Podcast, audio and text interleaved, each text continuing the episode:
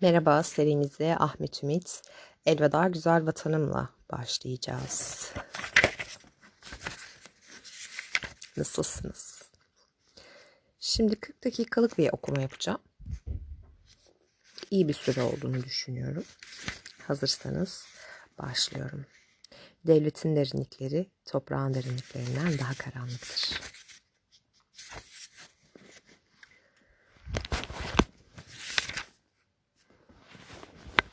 16 Haziran günü İzmir'e gelişimde uygulanmak üzere bir suikast tertibi keşfolunmuş ve önemli failler suçüstü yakalanıp tutuklanmışlardır. Tutuklananlar itiraflarda bulunmuşlardır. Tutuklanması istenen Sarı Efe, suikastin düzenleyicileri arasındadır. Hiç şüphesiz Sarı Efe'nin İstanbul'da bağlı bulunduğu örgütü ve işbirliği yaptığı arkadaşları vardır. İzmir'deki suikastin başarıya ulaşması halinde açık adı geçen örgütün suikastten sonra izleyeceği siyaset için bu gece ve yarın gereken önlemler için toplantı yapmaları beklenir. Sarı Efe tutuklanmışsa ondan alınabilecek ilk basit bilgiler üzerine henüz tutuklanmamışsa tutuklanmadan sonra bu örgütü ve toplantıyı ortaya çıkarmak için önlem alınmalıdır. Reis Cumhur Gazi Mustafa Kemal'in İstanbul Polis Müdürü Ekrem Bey'e çektiği şifreli mesajdan. Reis beyefendi, şimdi asıl meseleye geliyorum. Gizli teşkilat konusuna. Ta İttihat ve Terakki programının yapıldığı günlerden beri farz ettiğiniz gizli teşkilat meselesine. O gizli teşkilat tarafından verilen suikast kararından katiyen malumatım yoktur. Bir insanın bir şey yaptığını ispat etmek gerekir. Ben bir şey yapmadığımı nasıl ispat edebilirim? Ben bütün hayatımda hiçbir zaman hiçbir kimseye karşı hatta en müthiş düşmanlarıma karşı, hayatıma, şerefime, namusuma tecavüz edenlere karşı şiddet kullanmadım. Ve şiddet kullanılmasında hiçbir zaman razı olamamış, taraftar olmamış bir insanım. Hiçbir hareketimde, hiçbir konuşmamda, hiçbir yazımda şiddet yoktur. İzmir suikasti davasında eski Maliye Bakanı Cavit Bey'in İstiklal Mahkemesi'nde yaptığı savunmadan Ölüm şehirlerimizi kaybetmekle başlar. Günaydın Ester. Birinci gün sabah. Sonunda güneş doğdu.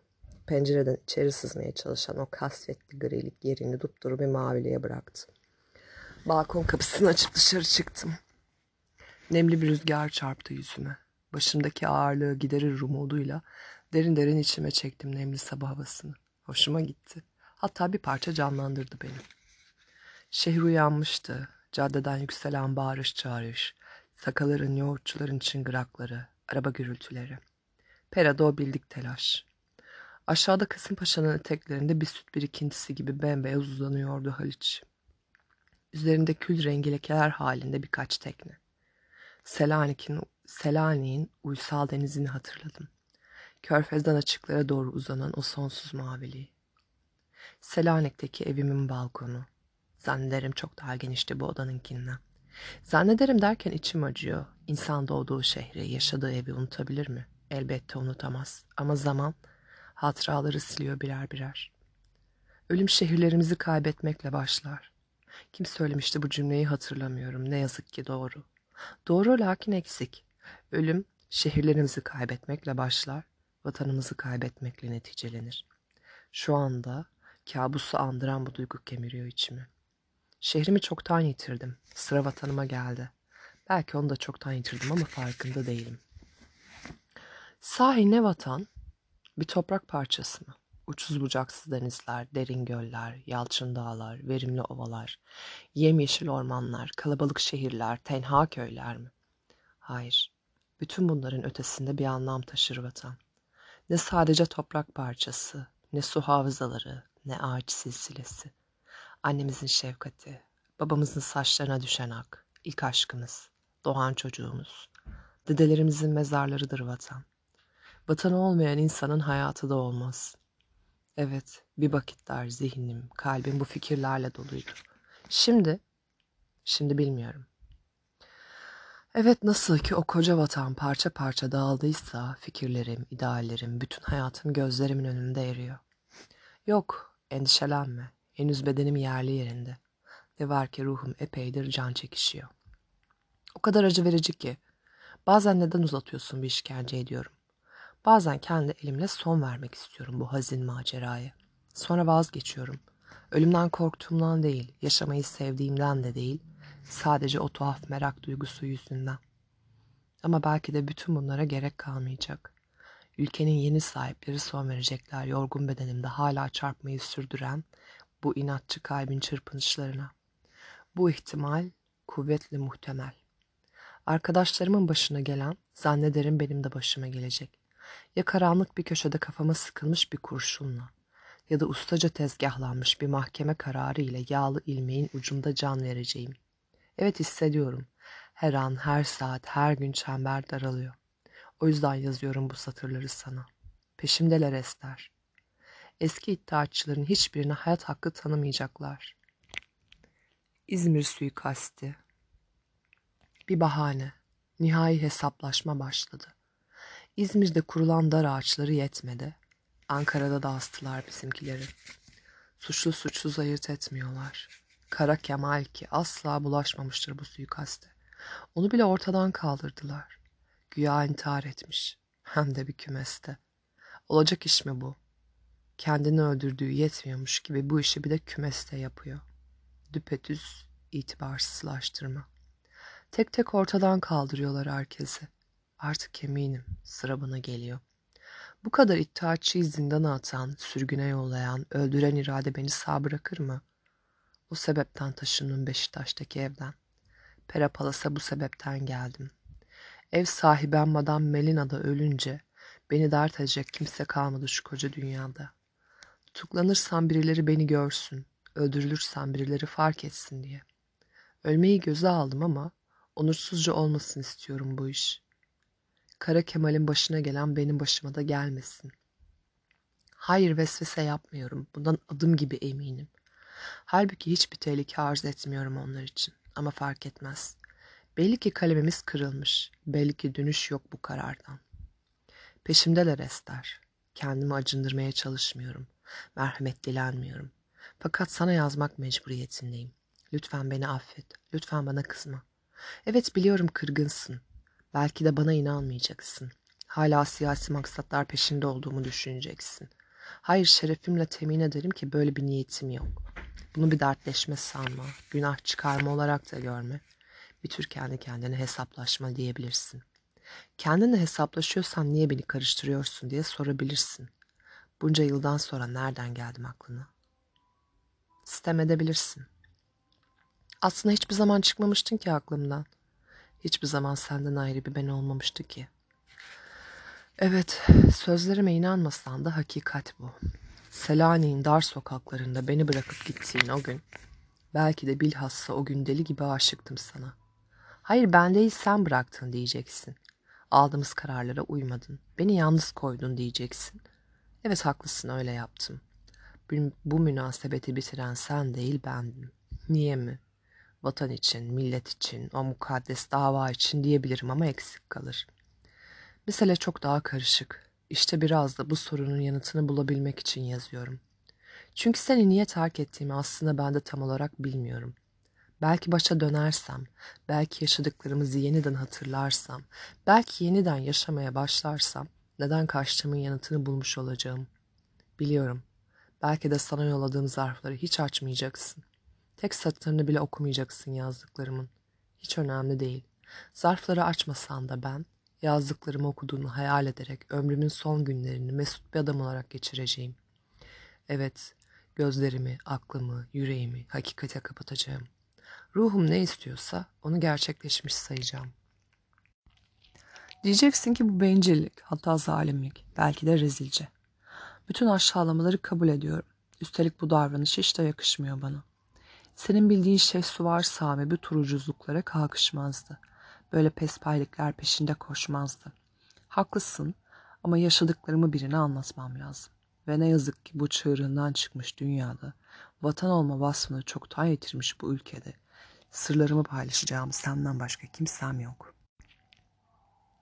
Söyle bana şey su var, katil mi olacaksın? Merhaba Ester. Birinci gün, öğleden sonra. Bu öğleden sonra sesini duydum odamda. Katil mi olacaksın? Rüya değildi, vallahi değildi. O kadar yakından geliyordu ki sesin. Sanki yanı başımdaydın. Öfke, kaygı dolu hislerle azarlıyordun beni. Söyle bana Şehsu var, katil mi olacaksın? O kadar sahiciydi ki sesin. Aptalca bir beklentiye kapıldım. Gözlerim telaşla taradı belki de ömrümün son günlerini geçirdiğim bu hüzünlü otel odasının her bir köşesini. Elbette yoktun. Yine de kalkıp banyoya bile baktım. Hatta kapıyı açıp koridora. Yoktun, olamazdın. Bu sözleri çok önce henüz bedenimiz bu kadar yorgun düşmemiş, henüz ruhumuz bu kadar örselenmemiş, henüz gönlümüz umutlarla doluyken söylemiştin. Yaz sonuydu. Asmalardan sarkan mor üzümlerin şenlendirdiği o bahçedeydik. Balıkları çoktan ölmüş taştan havuzun başında. Sararmaya başlayan yapraklardan daha solgun görünüyordu yüzün. Hiddetle gözlerini bana dikmiştin. Aslında tahmin ediyordum Paris'e seninle gitmeyeceğimi. Belki de cemiyete katıldığımı duymuştun. Duymasam bile hissediyordun. İttihat ve Terakki'ye katılacağım dediğim an dayanamayıp patlamıştın. Katil mi olacaksın? İlk kez bu kadar öfkeli görüyordum seni. Bu kadar çaresiz, bu kadar umutsuz. Teskin etmeye çalıştıysam da dinlemedin. Doğru da yaptın. Çünkü yalan söylüyordum. İşin aslı çoktan katılmıştım cemiyete. Evet utanarak yazıyorum. Senden gizlediklerim arasında bu da vardı. Beni azarladığın o günden bir yıl önce. 1907 yılının yazı. Hani sen Paris'ten süslü mektuplar gönderiyordun ya bana. O akşamlarda gün batımı, tarlalar ve kanallar ve şehri olduğu gibi yakutlara altınlara boğar. Şiirin, aşkın ve hürriyetin payitahtını anlata anlata bitiremiyordum. Mutlaka kaçmamız lazım diyordun. Burada yaşamalıyız. Lüksemburg bahçelerine bakan çatı katındaki küçük bir evde. İlk romanını yazmaya burada başlamalısın. Ağaçların yaprakları tatlı bir kederle solarken. Panteon'da dolaşıyordun. Alnında vatan büyük insanlara minnettardır yazılı o medeniyet mabedinde. Voltaire, Victor Hugo, Jean-Jacques Rousseau'nun mezarlarını tavaf ediyordun. İşte özgür düşüncenin sarayı. Dillerden, dinlerden, ırklardan kurtulmuş insanlığın mekanındayım. Bizim yerimiz burası. Yaşasın hürriyet, musavat, uhuvvet. O sokaklarda ben de yürümüştüm. Ben de o büyük insanların heykellerini bir parça şaşkın ama hep hayranlıkla seyretmiştim. Neler hissettiğini o kadar iyi biliyordum ki yazmadıklarını bile. Üstelik sen o tutku dolu mektupları kaleme alırken ben de ardı ardına sıradığın, sıraladığın o sloganları ülkemizde hakim kılmak için cemiyete katılmakla meşguldüm. Yaşasın hürriyet, yaşasın eşitlik, yaşasın kardeşlik. Evet, sen Paris'te o büyük insanların mezarlarının arasında dolaşırken ben de onların ideallerini rehber olarak seçmiştim kendime. Belki bütün hayatımı değiştirecek, belki sevdiğim insanları mutsuz edecek, belki ölümüme yol açacak bir rehber. Yanlış anlama, cemiyete katılmamdan seni, sorumlu tutuyor değilim. Hatta beni yemin törenine götüren kişi Leon dayın olmasına rağmen bunu söylemem haksızlık olur. Evet Leon dayı, onun adını okuyunca eminim çok şaşıracaksın. Ne var ki hakikat bu. Beni cemiyete tavsiye eden kişi oydu. Yıllarca sakladım bunu. Ama artık saklayacak bir sır kalmadı. Ne sır, ne cemiyet, ne de korunması gereken dava arkadaşları. Ama 1907 yılının o yaz akşamında beni cemiyet evine götüren Leon dayı gizliliğe azami ölçüde riayet ediyordu. Leon dayıya sakın kızma. O iflah olmaz bir romantikti. Üstelik cemiyetteki çoğu insan gibi parçalanmakta olan bir imparatorluğu kurtarmaktan çok Fransız ihtilalinin şiarlarıyla sarhoş olmuş, inkılapçı bir romantikti. Aslına bakarsan ben de öyleydim. Hepimiz öyleydik. Ama o hepimizden farklıydı. Belki de sosyalist, sosyalist bir düzenin hayallerini kuruyordu.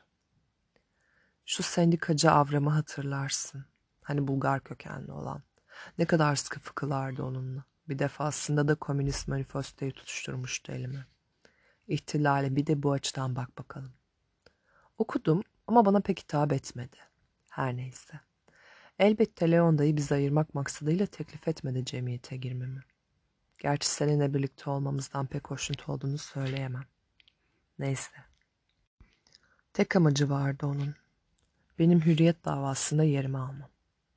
Onu hiç suçlamadım zaten. Kan bağımız yoktu. Ama hayatta en fazla önemsediğim insanlardan biriydi. Dünyaya bambaşka gözlerle bakmamı sağlamıştı. Yeri gelmişken bir itirafta daha bulunayım. Yahudilere karşı taşıdığım ön yargıyı kıran kişi de oydu.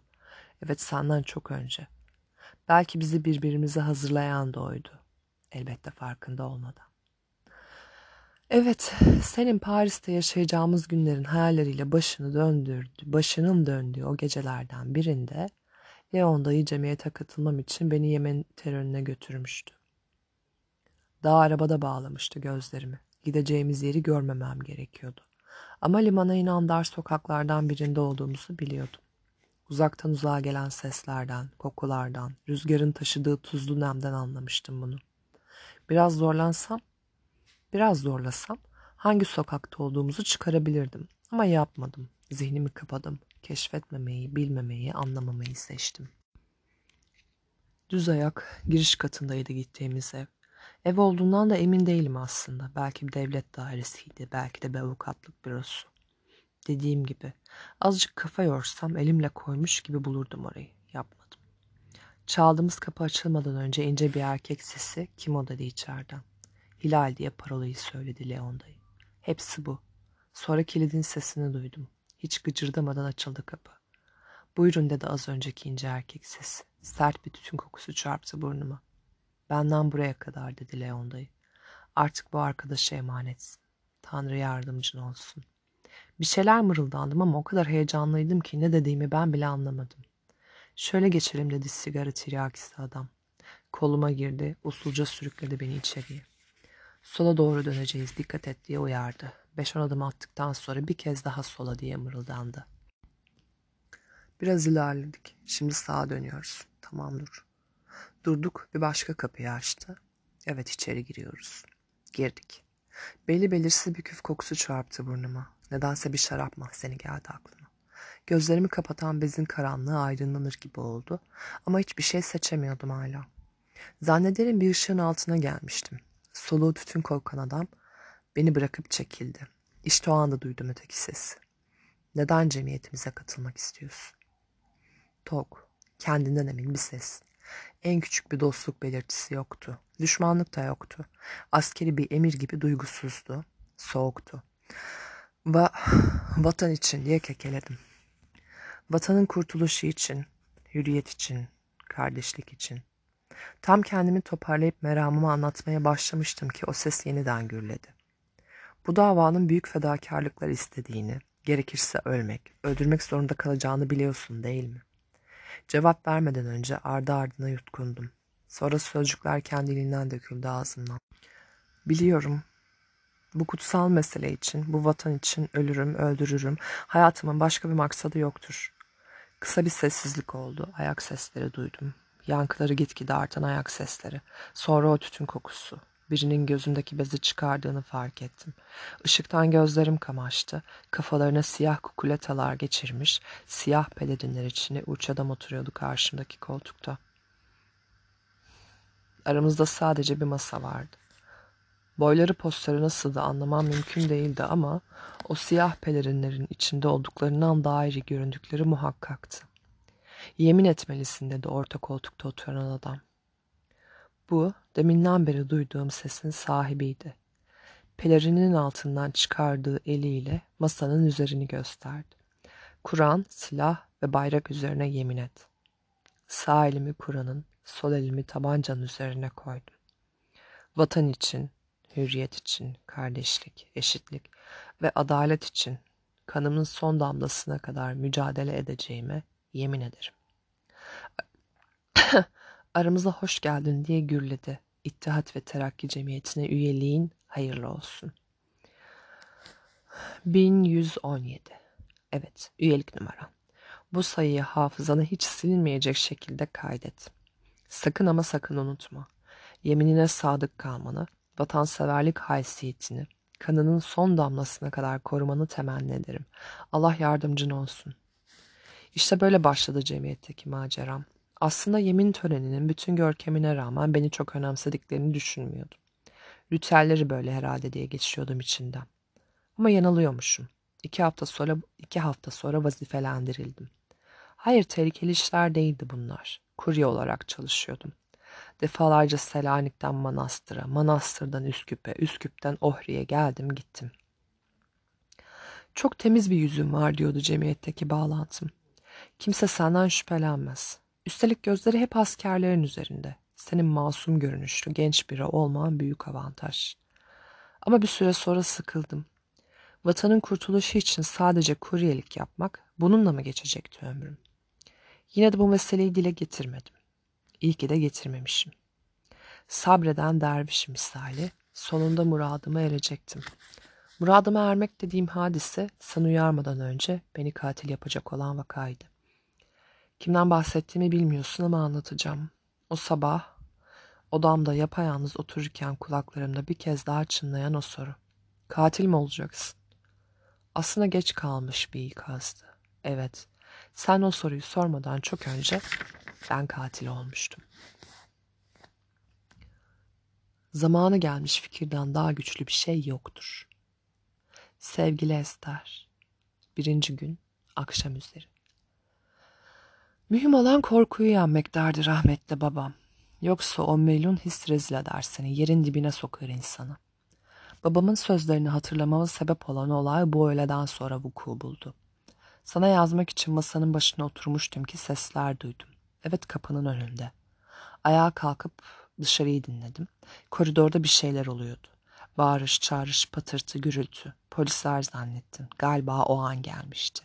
Bileklerime kelepçeyi vurup sürükleyerek götüreceklerdi beni buradan. Bu kadar çabuk mu? Niye şaşırıyorum ki? Onları beklemiyor muydum zaten? Evet, sonunda kapıyı çalmaya başladılar.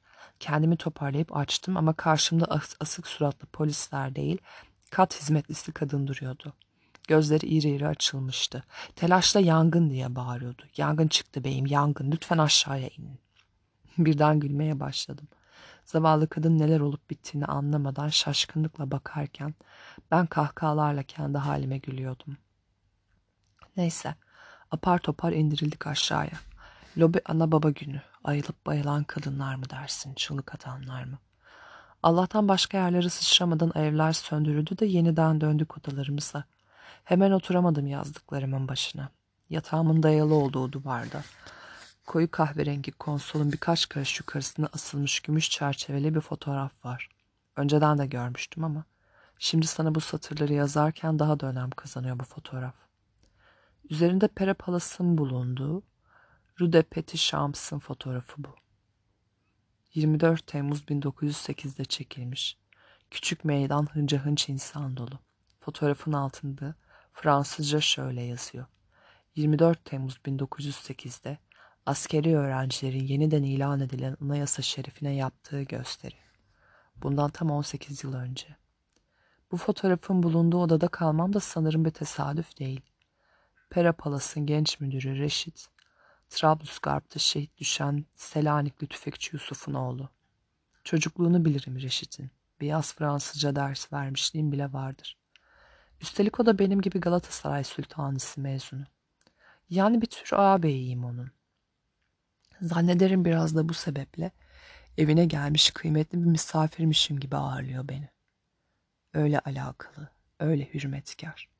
Üstelik başımın belada olduğunu bilmesini, beni korumaya kalkışmanın kendisine çok pahalıya mal olacağının farkında olmasına rağmen. Onun elaya çalan kestane rengi gözlerinde o hayranlıkla karışık saygı ifadesini görmek tarifsiz bir mutluluk veriyor bana. İnsanlara hala itimat etmemi sağlıyor. Yani demem o ki Ester'cim. Belki de Reşit bilhassa bu fotoğrafın asılı olduğu odayı vermiştir bana. Bir, tür, bir tür yadigarı hürriyet olarak. Bilmiyorum. Belki aldanıyorumdur. Belki de bu odada kalıyor olmam sadece güzel bir tesadüftür. Ama itiraf etmeliyim ki ilk ihtimalin hakikat olması daha çok hoşuma giderdi. 24 Temmuz 1908 Aslında 25 Temmuz 1908 Pardon. Aslında 23 Temmuz 1908 Yani bu fotoğraf çekilmeden bir gün önce. Hatırlarsan o gün Basra körfezinden Adirete'ye kadar bütün Osmanlı yurdunun kaderini belirleyen bir inkılap gerçekleşmişti. Şimdi önemsizleştirilmeye çalışılsa da o yaz olanlar sadece ülkemizin değil, bütün dünyanın kaderini etkileyecek devasa bir sarsıntıydı. Sultanın emriyle yıllardır rafa kaldırılan anayasa, milletin isteğiyle yeniden yürürlüğe giriyordu. Hem de öncekinden çok daha fazla haklar sunarak. Önce manastırda duyuldu hürriyetin sesi, ardının üç kutaya birden yayıldı. O ses o kadar güçlü, o kadar haklı ve o kadar zaruriydi ki, çaresiz kalan despot, anayasayı yeniden kabul etmek zorunda kaldı. Oysa senin de bildiğin gibi Abdülhamit, mecbur kalmadıkça ne bir adım ileri ne bir adım geri giderdi. Evet, hayallerimizdeki hürriyetle o gün tanışmıştık. 23 Temmuz 1908'de. Selanik'te. O günü hatırlıyor musun? Nasıl da tatlı bir meltem esiyordu o sabah. Sadece tenimizi değil, gönlümüzü, ateşler içinde yanan aklımızı da okşuyordu sanki. Derin bir maviliğe bürünmüştü deniz. Sanki binlerce yıl öncesinin kahramanları çıkıp gelecekti ufuktan uzun gemileriyle. Erkendi, çok erken buluşmuştuk. Kıpırtılı denizin kıyısındaki küçük parktaydık. Genellikle tenha olana avuç içi kadar yeşillik nasıl da kalabalıktı.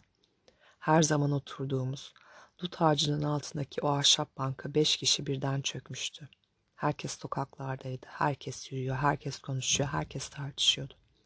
Yüzlerce yıllık suskun duvarlarda beyannameler hep aynı talebi haykırıyordu. Kanun esası yürürlüğe girsin. Yaşasın meşrutiyet. Renk renk pankartlarda ısıl slogan patlatıyordu. Renk renk pankartlarda aynı slogan patlıyordu. Yaşasın hürriyet, yaşasın eşitlik, yaşasın kardeşlik, yaşasın adalet. Çocuklar gibi mesuttuk, çocuklar gibi mesuttu insanlar. Namık Kemal'in dizilerini okuyordum sana. Ne efsunkar imişsin, ah ey didarı hürriyet. Esire aşkın olduk, gerçi kurtulduk esaretten. Herkesin, hepimizin yüzünde taptaze bir heyecan, alışılmadık bir güzellik. Yepyeni bir şey başlıyordu şehirde. En cahil olanlar bile hissediyordu bunu.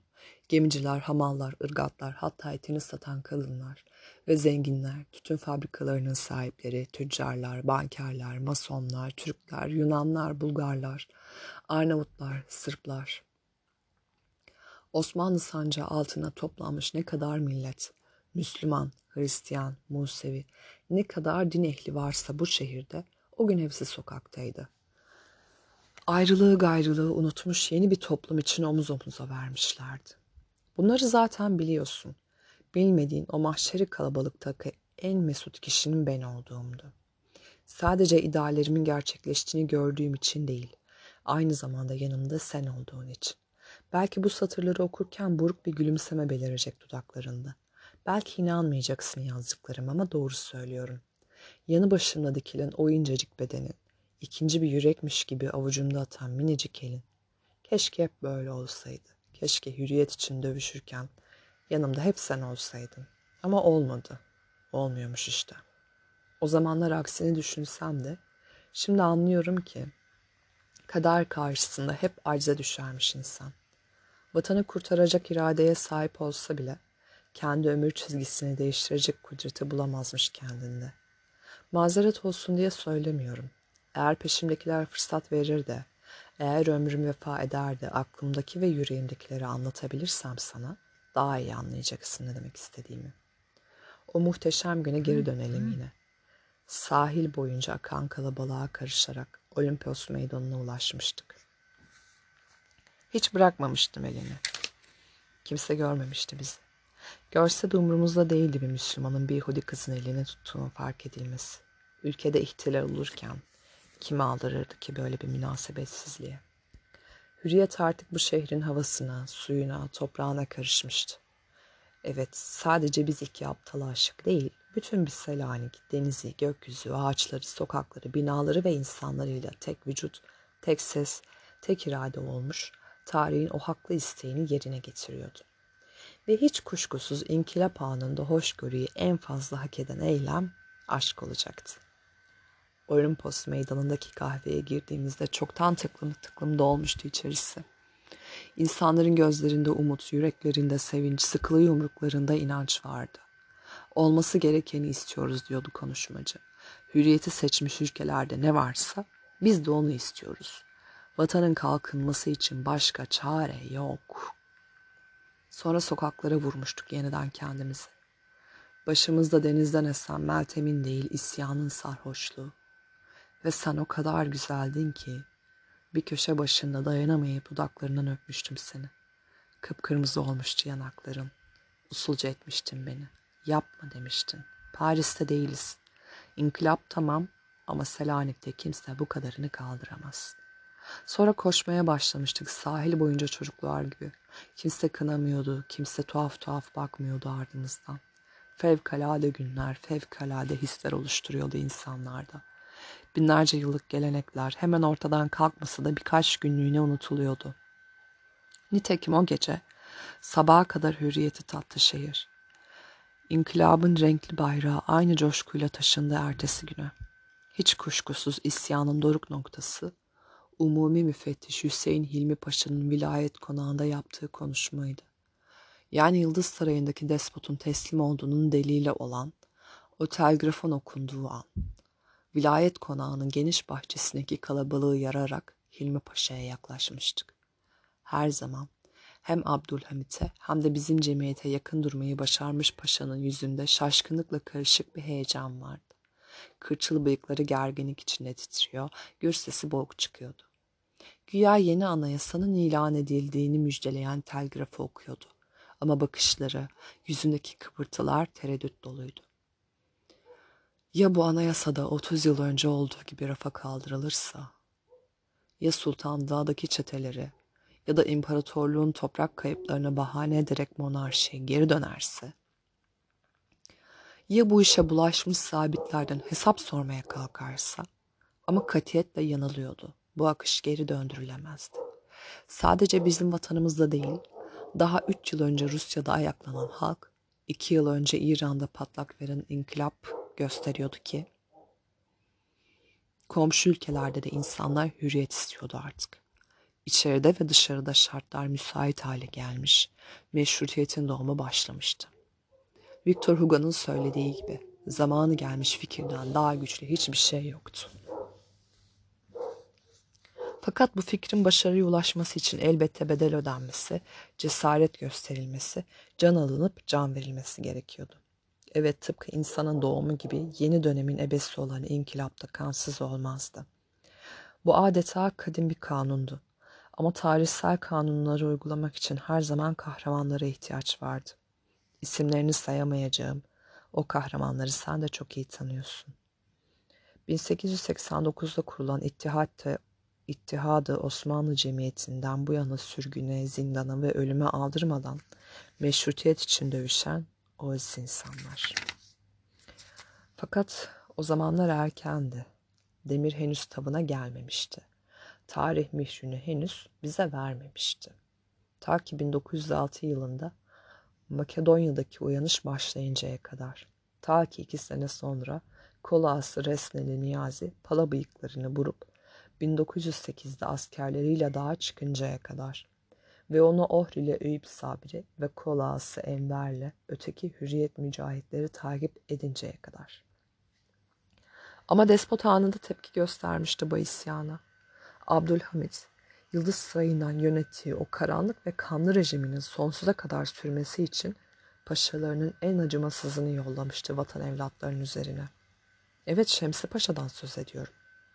Padişahın eli kanlı Arnavut celladından. İsmini duyan Arnavutların bile korkuyla titredikleri o despottan. O despotun 7 Temmuz 1908'de yani bizim inkılap aşkıyla sokaklara döküldüğümüz günden 16 gün önce öldürülmesinden söz ediyorum. Evet bu kez sultanın değil, vatanseverlerin dediği olmuştu. İnkılabı boğmaya gelen zalim kendi kanında boğulmuştu. Hayır o suikaste tetiği çeken ben değildim ama cinayet işlenirken oradaydım. Suçumu hafifletmek için söylemiyorum. Eğer tetiği çek deselerdi gözümü kırpmadan onu da yapardım. Çünkü vatanın içine düştüğü vaziyet bunu gerektiriyordu. Şemsi Paşa bu topraklarda yanmaya başlayan hürriyet ateşini söndürmek istiyordu. O bunu yapamadan biz onun hayat ateşini söndürdük. Hiç şikayet etme senin kararın. İyi akşamlar Ester. Birinci gün, akşam. Yazdıklarımı bu akşamüstü gönderdim sana. Karanlık çökmeden hemen önce, otelin postanesinden. Cadde-i Kebir'deki umumi postane hiç emniyetli değil. Zaten otelden çıkar çıkmaz düşüyorlar peşime. Bazen sinsice, bazen göstere göstere. Sanki korkmamı, telaşa kapılmamı, belki de kaçmamı istiyorlar. Hayır bu mutluluğu tattırmayacağım onlara. Hiçbir zaman Şehsuvar Sami panikledi diye kayıt düşemeyecekler takip raporlarına. Ama yazdıklarımın sana ulaşmasına da engel olmalarını istemiyorum. Bu yüzden otelin içindeki küçük postaneden gönderiyorum mektuplarımı. Keşke hepsini bir anda yazabilsem. Keşke bir çırpıda dökebilsem içimdekileri. Sabırsızlığımdan değil, endişemden. Sana yolladığım mektupta yer alanlar anlatacaklarımın çok küçük bir kısmı. Belki bir girizgah, belki bir romanın ilk sayfaları. Son 20 senenin dökümü, son 20 senede alt üst olan bir dünyanın, alt üst olan bir imparatorluğun, alt üst olan hayatlarımızın hikayesi. Yeryüzünü kana bulayan o lanet olası umumi harbin, yok olan ideallerin, umutların, inançların ama asla bitmeyen bir aşkın hikayesi. Dur hemen çatma kaşlarını. Biliyorum yaşadıklarımızdan sonra aşktan bahsetmeye hakkım yok. Ama ne olur yazdıklarıma inanmasan da karar vermek için hiç değilse son satırı bitirmeyi bekle. Rica ediyorum hiç değilse bu kadarını esirgeme benden. Yazdıklarımı postaneye götürürken merdivenleri değil asansörü kullanmıştım. Bilirsin hep meraklıydım makinelere. Üç Fransız hanımla indik aşağıya. Ne yalan söyleyeyim üçü de çok şıktı, çok güzel kokuyordu. Paris'te Ahmet Rıza Bey ile yemeğe gittiğimiz Rue de Ecole'deki restoranı hatırladım. Henüz 20 yaşında bile yoktuk. Restoran güzel hanımlar ve şık beylerle doluydu. Ama salondaki en güzel kız sendin. Fakat itiraf etmeliyim ki o anda gözüm seni dahi görmüyordu. Pür dikkat Ahmet Rıza'nın söylediklerini dinliyordum. Ülke hakkında, dünya hakkında, din hakkında söylediklerini. Ne kadar cüretkardı, ne kadar mantıklı, sözlerini hep bilimle bağlıyordu. O sıralar hayatın sadece akıldan, mantıktan, bilimden ibaret olduğunu zannediyordum. İnsan iradesinin bütün bir toplumu, hatta bütün dünyayı, tarihi değiştirebileceğini sanıyordum. Ahmet Rıza'nın sözleri tek tek çözüyordu zihnimdeki düğümleri. Bütün sorularımı cevaplıyor, bütün tereddütlerimi gideriyordu. O benim için sadece İttihat ve Terakki'nin fikir babası değil, ulvi bir bilgeydi. Çok kıymetli bir Osmanlı aydını. Sen de gözlerinle gördün. Fransızlar nasıl saygıyla yaklaşıyorlardı ona. Ahmet Rıza o zamanlar benim tek kahramanımdı. Aslında zaman zaman keşke hep öyle kalsaydı. Keşke ben de bu büyük münevverin yolundan gitseydim diye düşünüyordum. Eğer öyle olsaydı senin dileğin de gerçekleşmiş olurdu. Ve ben bugün bu otel odasında kıstırılmış bir av hayvanı gibi yakalanmayı beklemek yerine belki romanlarıyla tanınan bir yazar olurdum. Belki fikirlerimle çok daha faydalı olurdum memlekete. Belki romanlarım görünmez bir koruyuculuk zırhı da sağlardı bana. Sağlar mıydı? Haldet be sağladı mı? Kadıncağız şimdi kim bilir hangi ecnebi ülkede ayakta kalmaya çalışıyor. Öyle bir zamanda yaşıyoruz ki bırakalım yarınımızı. Bugünümüzden emin olmak bile mümkün değil. Yine de pişman değilim. Sadece büyük bir öfke var içimde, derin bir hayal kırıklığı. Bütün hayatımı elimden almışlar gibi. Hiç şikayet etme. Senin kararın diyeceksin. Haklısın. Bunu ben tercih ettim. Üstelik istediğim başka bir hayat olmasına rağmen. Sana rağmen. Neyse. Bu konuya geri döneceğiz nasılsa. Ben hikayemi anlatmaya devam edeyim istersen. 1908 Temmuz'un sıcak günlerinden bahsediyorum. Meşrutiyetin hemen öncesinden. İlk suikastimden. Manastırın ortasında, ahalinin gözleri önünde. Şemsi Paşa'yı, Paşa'yı nasıl katlettiğimizden. 3 Temmuz 1908'i hatırlar mısın bilmem. Kolağası Resneli Ahmet Niyazi'nin dağa çıktığı gün. Büyük olaylar zincirinin başladığı gün. Zabitlerin isyan ettiğini duyan Abdülhamit, işin ciddiyetini hemen anladı mı bilinmez ama her zamanki pimpirikliliğiyle derhal harekete geçti. Hamlesi çok akıllıcaydı. Bütün Arnavutların takdirini kazanmış. Makedonya'daki çetelerin korkulu rüyası Şemsi Paşa'yı, namı diğer Şemso'yu vazifeye çağırmıştı. Aralarında ordu mensuplarının da, mensuplarının da bulunduğu kendini bilmez bir çete ayaklanarak dağa çıkmış, devlet-i aliyeye isyan etmişti. Ne kadar asker gerekiyorsa alınıp, ne tedarik yapılacaksa yapılıp, bu vatan ve millet düşmanlarının defteri tezdürüle ki başka kendini bilmezlere misal olsun. Şemso Mitrovice'de bulunuyordu o sıra. Padişahtan gelen telgraf üzerine hiç vakit kaybetmeden hazırlıklara girişti. Pek de heyecanlanmamıştı. Kim bilir bu bastıracağı kaçıncı isyan olacaktı. Yok edeceği kaçıncı çete. Fakat ilk kez yanılıyordu. Bu defa karşısında ahalinin malına mülküne tasallut etmiş it kopuk takımı değil, milletin iradesine hakim kılmak, tarihin hükmünü yerine getirmek isteyen hamiyetli insanlar vardı. Şemson'un tedarikleri sürerken saraydan ikinci bir telgraf daha geldi. Bu ikinci telgrafta emir tekrarlanıyor ve Abdülhamit'in öyle her kuluna bahşetmeyeceği selamı şahane ekleniyordu en altı. Padişahından gelen bu ulvi itifatla iyice şevklenen yaşlı kurt süratle ordusunu topladı. Kendisine tahsis edilmiş bir trenle iki tabur asker ve otuza yakın Arnavut korumasıyla çıktı sefere. Fakat daha tren yola koyulmadan haberini almıştı cemiyet. Ne pahasına olursa olsun Şemsi Paşa ile askerleri durulacaktı.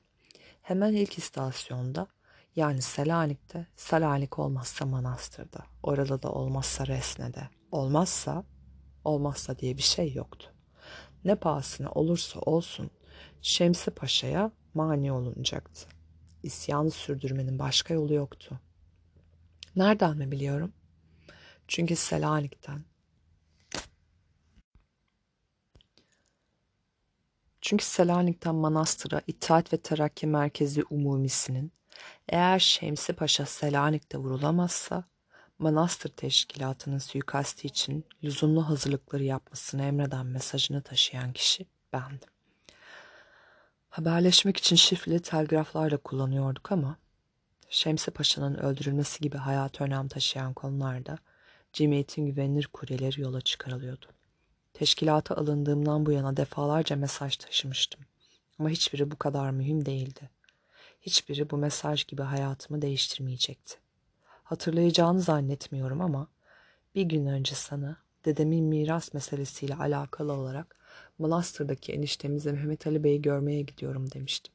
Elbette yalandı. Hem de o küçük beyaz yalanlardan değil. Kanlı bir planı saklamak için söylenmiş sinsi bir yalan. Ama cemiyeti ve seni korumak için söylenmiş bir yalan. 5 Temmuz sabahı Şemsi Paşa Mitrovice'den trene binerken ben de Selanik'ten ayrılıyordum. Bu acımasız adamı öldürülmesi mesajını götürüyordum manastırdaki cemiyete. Neden bu kadar acımasız davrandınız diyebilirsin. Neden paşa ile konuşmak, onu ikna etmek yerine öldürmeyi tercih ettiniz? Aslında bu yolu denemek isteyenler de vardı. Sonuçta Şemsi Paşa da bir Osmanlı sahipti. Bizi anlayacaktır. Memleket felakete gidiyor. Ona da dava, onu da davaya kazandırabiliriz. Diyen arkadaşlarımız çıktı elbette. Nitekim onunla konuştular da. Hem de bizzat müstakbel damadı, Manastır Jandarma Tabur Kumandanı Rıfat Bey. Üstelik son derece cüretkar bir üslupla. Askerlerimiz size itaat etmez diye onu ikaz ederek. Ama Şemsi Paşa laftan anlayacak bir adam değildi. Hem sultana körü körüne sadıktı, hem de ne meşrutiyetten, hem de meşrutiyetten ve isyancılardan ölesiye nefret ediyordu. İnkılapçı zabitlere onu ortadan kaldırmaktan başka çare bırakmamıştı. Şemsi Paşa'nın treni 6 Temmuz'da gelmişti Selanik'e. Cemiyetin beklemeye hiç tahammülü yoktu. Hemen o gün orada defterini dürmek istiyordu bu eli kanlı zalimin. O sebepten daha geceden itibaren bizim fedailer istasyona yerleşmişlerdi. Ama işler planlandığı gibi gitmedi. Selanik'teki yetkililer de muhtemel bir suikaste karşı fevkalade emniyet tedbirleri almışlardı. Şemsi Paşa'nın Arnavut korumaları kimseye göz açtırmıyordu. Cemiyetin fedaileri ki aralarında Yakup Cemil gibi attığını vuran namlı adamlar olmasına rağmen Hedefteki paşanın yanına yaklaşamadılar bile. Artık tek ihtimal kalmıştı. Onu Mareşallik dairesine giderken yolda öldürmek. Çünkü Şemso gelişmeler hakkında bilgi almak için İbrahim Paşa ile görüşmek istiyordu. Ne yazık ki bu plan da uygulanamadı. Cemiyet gündüz gözüne, şehrin ortasına yapılacak bu saldırıda tetiği çekecek fedainin yakalanmasından korkuyordu. Yakalanan fedai konuşursa vay halimizeydi. Hele bir de Şemsi Paşa ölmezse. Abdülhamit'in hafi, Abdülhamit'in hafiyeleri herkesi tutuklayarak cemiyetin belini kırabilirdi.